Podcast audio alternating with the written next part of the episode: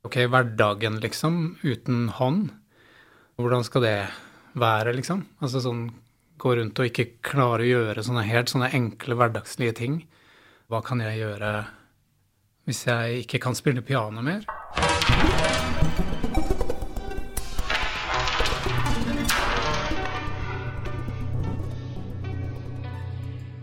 Hendene er helt umistelige for en profesjonell musiker. Så hva gjør man den dagen man skader dem skikkelig?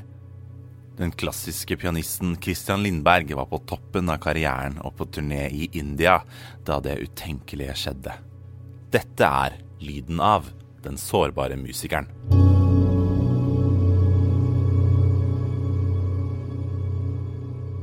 Jeg har gifta meg i sommer, og egentlig så har vi Altså nå heter jeg vel strengt tatt egentlig Christian Pinkerton Lindberg. Men uh, det litt, tar litt tid å venne seg til. Jeg uh, er pianist, uh, jobber som frilanser og førsteamanuensis ved Barot Due Musikkinstitutt. Christian Lindberg har vunnet en rekke priser og har fylt konsertsaler i London, Moskva, New York, Kyoto og Berlin.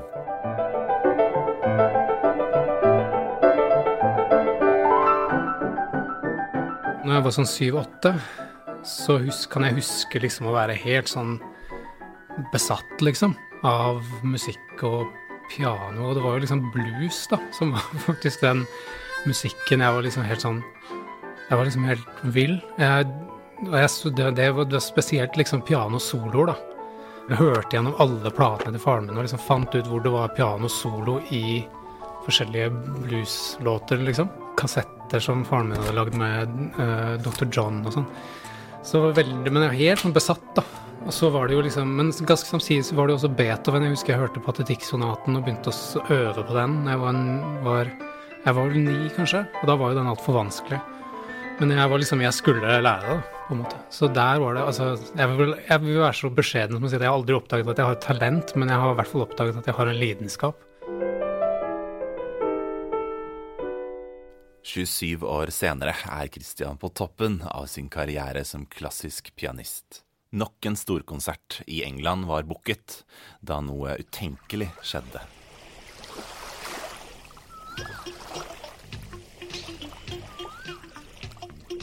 Jeg var i India, i Goa i India, helt til slutten av en uh, Rikskonserten-turné. Altså det var etter at turneen var ferdig, og jeg hadde tatt meg en ukes Skulle ha en ukes ferie på stranda. Eh, jeg hadde funnet en veldig flott sånn bungalow og bodde, det var veldig fint, og nå skulle jeg virkelig slappe av. Og jeg storkoste meg i to-tre dager. ये चांद कितना हसी है है चांद पर मेरे कदम बाहों में ये चांदनी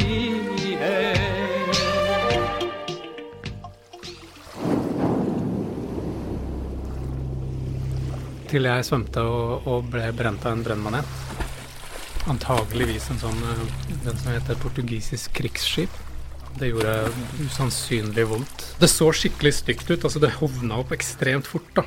Det var noen sånne merkelige sånne mønstre som dukka opp på armen. Sånn, noen sånne rare sånne kvadratiske blemmer med en sånn prikk i midten. Um, som liksom det var bare hundrevis av da, overalt, liksom. Det så jo ufattelig skummelt ut, liksom. Men først og fremst var det helt sånn helt utholdelig vondt, da. Altså det, var, det var sånn smerte som jeg aldri har opplevd før, egentlig. Altså utrolig vondt. Jeg skjønte veldig fort at det var veldig alvorlig. Jeg kom meg veldig, veldig fort ut av vannet. Jeg var vel, Det er vel en slags panikk på en måte, men jeg tror jeg ble veldig fokusert også. Altså Det var bare sånn veldig sånn opp av vannet. Jeg tenkte til og med så klart at jeg stakk innom bungalowen min på vei, for jeg måtte gå forbi bungalowen på vei opp til hotellresepsjonen. Jeg gikk inn der og henta sånn antibakteriell og tannbørste og sånne ting, for jeg skjønte at jeg kom til å bli sendt på sykehus.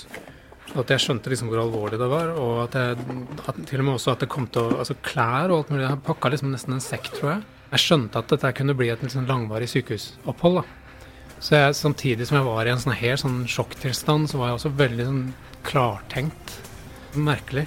Men eh, no, noe annet tar over, liksom. En sånn overlevelsesinstinkt, tror jeg. Det kom en lege først, og så ble jeg sendt til sykehus.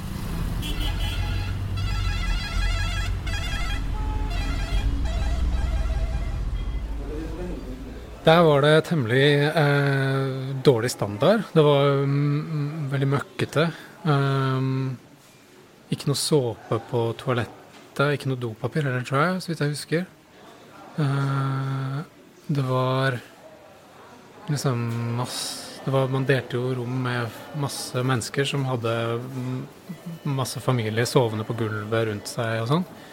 Uh, ja, det var, det var langt unna norsk standard, da. For det var det virkelig. Og litt sånn skremmende med tanke på hygiene og sånne ting. Fingrene hadde jo gått fra å være Det var jo spesielt da ringfinger og, og lillefinger på høyre hånda, da. Som hadde gått fra å være blå til å bli svart, og så bli sånn på en måte begynne å på en måte bevege seg. På det verste så beveget den seg mot å få se litt sånn død ut, på en måte, da, egentlig. Jeg må ha vært ekstremt heldig, på en måte, for jeg tror altså, jeg, Det er ikke så lenge en finger kan overleve, egentlig.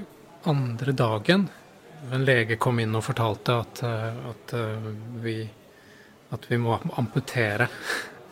Christian forsøker å forklare at han jobber som pianist. Jeg var jo dopa ned, da, så jeg var jo på en måte ikke klar, veldig klar.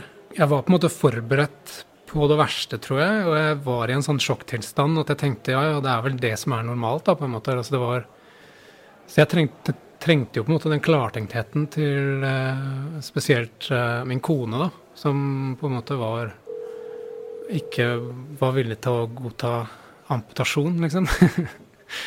så, eh, og hun var da på telefon eh, fra England, da. Så hun ordnet jo opp og ordna Fant ut beste sykehuset i India, uh, tror jeg, og, så sendte meg Fikk bestilt ambulanse derfra, og um, så ble jeg sendt dit. Og der var det jo en helt annen standard, da. Så jeg føler at jeg kan jo skrive en bok om samfunnsforhold og klassesamfunnet i India, på en måte. For det er altså forskjellene der, altså. Det er helt enormt. Det var et utrolig flott sykehus med Hvor jeg tror jeg fikk veldig, veldig Altså fra hva jeg har hørt fra norske leger i ettertid, veldig veldig god behandling. Da. Og De sendte meg jo rett inn på operasjonsbordet og åpnet opp hele armen. Og lagde mange sånne kutt. Det var vel helt fra midten av hånda og opp til albuen. Så ja, iallfall 30 cm langt kutt helt inn til beinet, liksom. Forhåpentligvis redde hånda, da. Å leve i uvissheten er ingen lett prøve for sinnet. Vil livet bli snudd helt på hodet? fra det øyeblikket og i kanskje et halvt år framover, så var det var jo en sånn tid hvor jeg ikke visste om jeg kom til å bli bra igjen. Det var jo lenge at jeg, at jeg lå og ikke visste om jeg fortsatt måtte amputere hånda. Musikken ble redningen. Jeg takker eh, ærbødig for den iPoden jeg hadde med meg på sykehuset, for det, den, den var sånn livredder. Jeg tør ikke å si hva som hadde skjedd med meg hvis jeg ikke hadde hatt den. Altså. Og det å kunne høre på stort utvalg av musikk, liksom. Det var en sånn livsbøyle, rett og slett. Noe jeg husker veldig godt, var en gang jeg hørte på um, Mozarts uh, variasjoner i D-dur, et av disse seine seinere soloklaververkene hans. Det gjorde veldig sterkt inntrykk på meg. Jeg tror det var noe med Jeg hadde en lege som sa til meg det, liksom, for jeg lå jo der lenge uten å på en måte vite hvordan det skulle gå med fingrene og hånda mi og sånne ting. og hun oppfordret meg til å forestille meg, selv om ikke jeg kunne bevege på hånda mi, eller noen ting, og forestille meg at jeg spilte.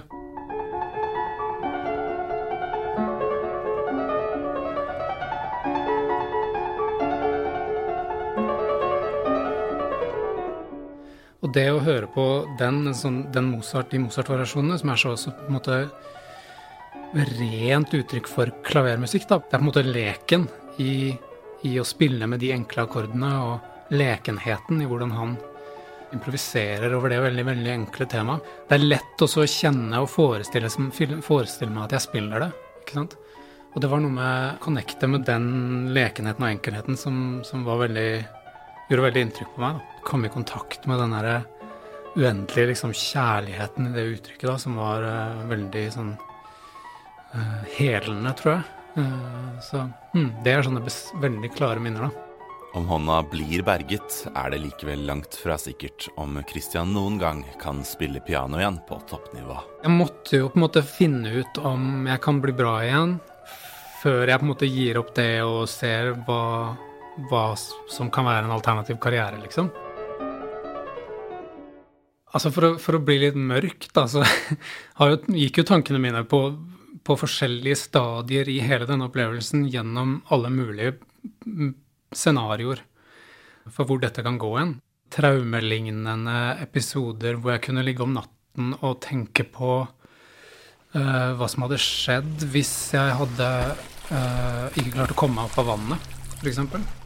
Når jeg ble brent, da til liksom, altså jeg, Når jeg lå på sykehuset og, og det var mulig å bli uh, Det var mulighet for å måtte amputere. Gikk jo tankene til ok, hverdagen, liksom, uten hånd.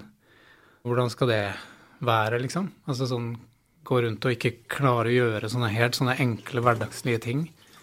Som å vaske opp eller uh, lage mat eller Det var jo der i tankene mine masse. Uh, til liksom også selvfølgelig å tenke på hva, hva kan jeg gjøre hvis jeg ikke kan spille piano mer. ikke sant? Altså, skal jeg bli, eh, kanskje bli, bli, pedagog på heltid? Skal jeg finne noe helt annet å gjøre?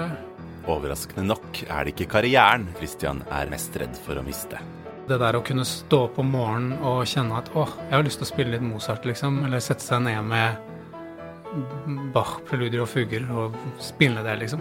Altså, det å ikke kunne gjøre det mer, da, for meg selv, det ville vært det store tapet her. Det, uten tvil, altså. Uh, for det er liksom Det er uh, næring for meg. Som, omtrent så viktig som mat, liksom.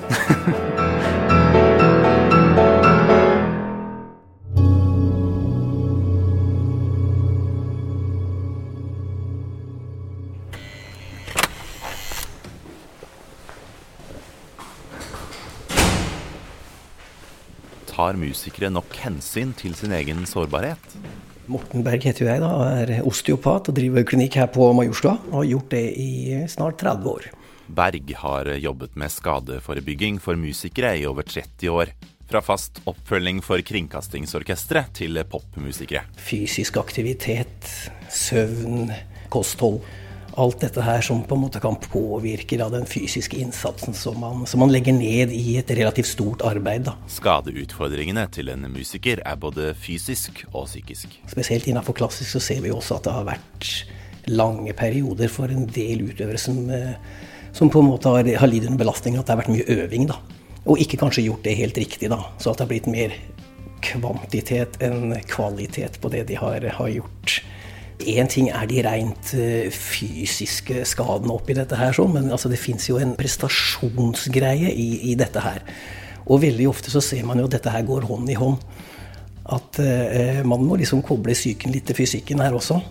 Så hvis man sliter med dette her med prestasjonsangst, så er, ligger, jo, ligger det i kortet at det å, å kunne pådra seg skader, den er kanskje større også. Og det er, jo, det er jo en ille sak når du legger så mye tid ned i det som skal være yrket ditt. Enten det handler om selvforskyldt skade eller en manetulykke, er tålmodighet nøkkelen til å bygge seg opp igjen. Veldig ofte så er jo musikere på samme Jeg sammenligner det ofte med idrettsutøvere. Har man vært borte en lang periode, så er det ikke bare å løpe 5000 meter på beste tid.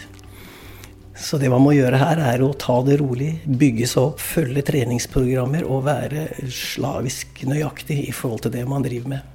Da får man best eh, resultat. Og ha tålmodighet. Det er ofte vår største, største utfordring. Det er at eh, ting helst skal skje i går. Det tok vel en to-tre måneder før jeg kunne på en måte faktisk spille på tangenter ordentlig en måte. Eh, så til å begynne med så var det å på en måte flytte tommelen og bevege tommelen fra åpen håndflate til å prøve å berøre liksom innsiden av hånda med tommelen. Helt sånne, sånne grunnleggende sånn bøye på fingeren-øvelser, liksom. For på det tidspunktet så var jo hånda mi sånn Jeg kunne jo ikke holde et glass med hånda mi, liksom kunne egentlig ikke gjøre noen ting. Og jeg hadde jo armen i fatle i hvert fall i to, to måneder, tror jeg. To-tre måneders tid. Jeg husker ikke helt nå. Jeg øvde jo med venstrehånda. Det gjorde jeg litt. Spilte litt med venstrehånda. Og det var jo en sånn tanke jeg også hadde, at liksom skulle jeg bli sånn venstrehåndspianist. Det føltes ikke aktuelt å, å, å gi opp pianospilling før jeg har liksom prøvd alt. Han viser fram det digre arret sitt. Christian Lindberg slapp å amputere. Men med bare et halvt års tid igjen til solokonserten i England, har han en lang og smertefull vei å gå. Pianisten bestemmer seg likevel for å prøve. Jeg må fortelle dem om kommer jeg eller ikke, liksom. Eh, og jeg tok sjansen, liksom, på å eh, eventuelt måtte fortelle dem en måned før at uh, du, jeg kan ikke komme. Det ble et mål, da, å jobbe mot.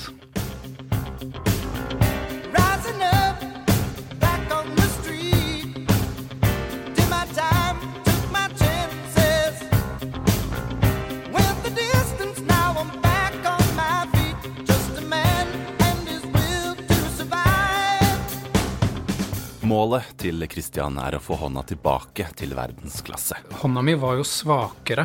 Altså den høyre hånda mi var svakere. Og da har jeg måttet studere venstrehånda mi. Fordi den gjør alt på en måte riktig, da, i gåseøyne. Alle de tingene som for meg kanskje bare har vært litt sånn naturlig, eller som jeg på en måte har vært litt intuitivt i forhold til tekniske ting, har jeg måttet virkelig analysere og studere i sånn utrolig detalj for å forstå hva det er jeg gjør sånn helt teknisk. Det jeg har gjort ekstremt mye av, faktisk er å spille speilvendt. Alt det jeg gjør med høyrehånda, jeg finner på en måte den speilvendte versjonen av det i venstrehånda. For alt kan jo gjøres på en måte speilvendt. Det låter jo forferdelig lite vakkert, men på den måten finne ut hva det er jeg gjør feil i høyre. Og det har jo gjort meg utrolig bevisst på en måte jeg aldri har vært før, rundt helt tekniske ting. Da. Smerter og frykt for varige men får Christian til nesten å gi opp. Jeg gikk jo på tunge smertestillende opiater og sånne ting ganske lenge. Og jeg måtte jo avvenne meg de, og gradvis og metodisk. Så selv etter et halvt år så hadde jeg jo fortsatt store smerter i hånda. ikke sant? Jeg hadde jo mye frykt for å utvikle sånne kroniske smerter, for eksempel, sånne ting, som kan komme når man bruker smertestillende og sånn. Endelig kom gjennombruddet. Det var jo en enorm lettelse, rett og slett. Å skjønne at jeg trenger ikke å ha tunge smertestillende langt inn i framtiden, liksom.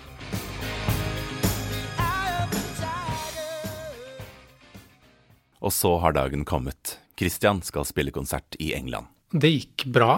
Konserten gikk bra på en måte ikke helt 100 eh, men jeg, jeg, jeg, klarte liksom å jeg vet ikke, finne løsninger og litt sånn alternative um, veier ut av det, da, på en måte. og det blei jo veldig sånn Det blei trampeklapp og stående applaus og sånn, så de, de var jo åpenbart fornøyd. Det var litt sånn uh, stolthet for meg, på en måte, å bare liksom møte opp som en vanlig pianist, liksom. ikke som en, en skadet en. ja. Det var en veldig fin opplevelse, altså. Det var det virkelig. Og det føltes jo som en sånn Ok, nå er jeg tilbake, og jeg kan spille, liksom. Det her kan jeg gjøre. Jeg kan, jeg kan gjøre det jeg gjorde før. Jeg kan skape det samme. Nei, det var jo sånn, en sånn milepæl, da, virkelig, den, den, konserten. Ville du vært uh, foruten ulykken? Altså, det er jo ingenting som har skjedd noensinne som som ikke har bidratt til at man er der man er i dag, liksom. Men på den annen side så liksom Herregud, selvfølgelig skulle jeg jo ikke ha Jeg skulle jo gjerne ha sluppet å gå gjennom det, men da ville jeg jo vært en annen person nå. Og jeg liker den personen jeg er i dag, så jeg Hvis man går igjennom vanskelige ting på en veldig sånn bevisst og reflekterende måte, så, så vokser man på det. Hvis man går igjennom liksom vanskelige ting på en måte som er mer sånn offerpreget, da, Altså sånn stakkars meg forsvinner inn i en sånn offermentalitet, da, så, så kan det jo derimot være veldig skadelig, da. Altså, litt sånn alt du ikke dør av, gjør deg sterkere.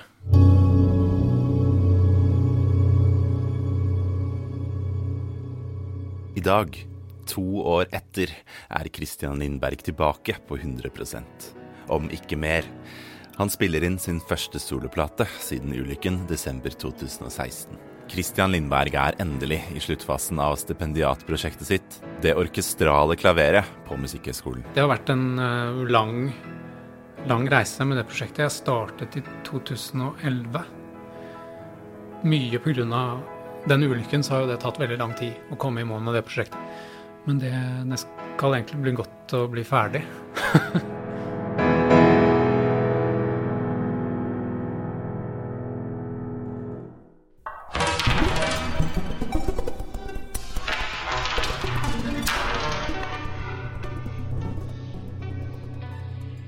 Tredje sesong av Lyden av er produsert av Filt Oslo for Norges musikkhøgskole. Produsent er Peter Daatland, redaktør Kjetil Bjørgan, reporter og klipper er meg, Einar Stray. Har du noe ris eller ros, nøl ikke med å sende oss en melding på Musikkhøgskolens Instagram eller Facebook-side. Dykk inn i Lyden av universet på lydenav.no.